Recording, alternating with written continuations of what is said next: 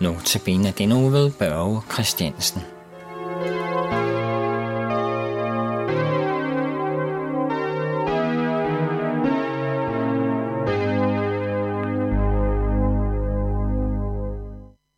Til i dag skal vi høre et vers fra Romerne 8, 28. Og det lyder således.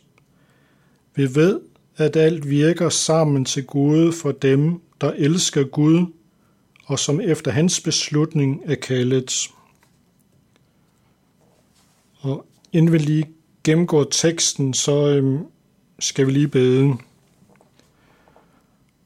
Okay, Jesus, jeg takker dig, fordi du er lyde, ja, lyde ind til døden på et kors. Jeg takker dig, fordi du går foran os og rydder hindringer ud på vores veje.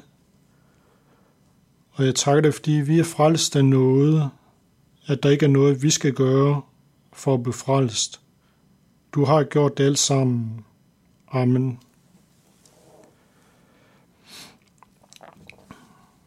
Vi kan godt spørge os selv det spørgsmål, er livet med Jesus let? Nej, vi kan godt komme ud for en masse prøvelser, når vi følger Jesus.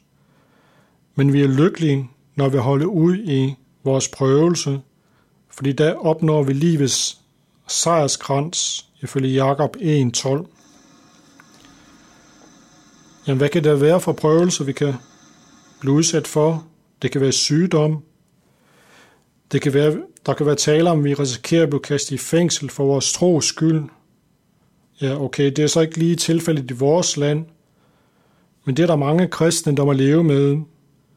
Der er kristne i Iran, der kastes i fængsel, blot fordi de er kristne. Det samme sker i Nordkorea. Vi hører dog også om, at de kristne kan være et vidnesbyrd for andre, når de, de er i fængsel. De kan vidne for andre om Jesus.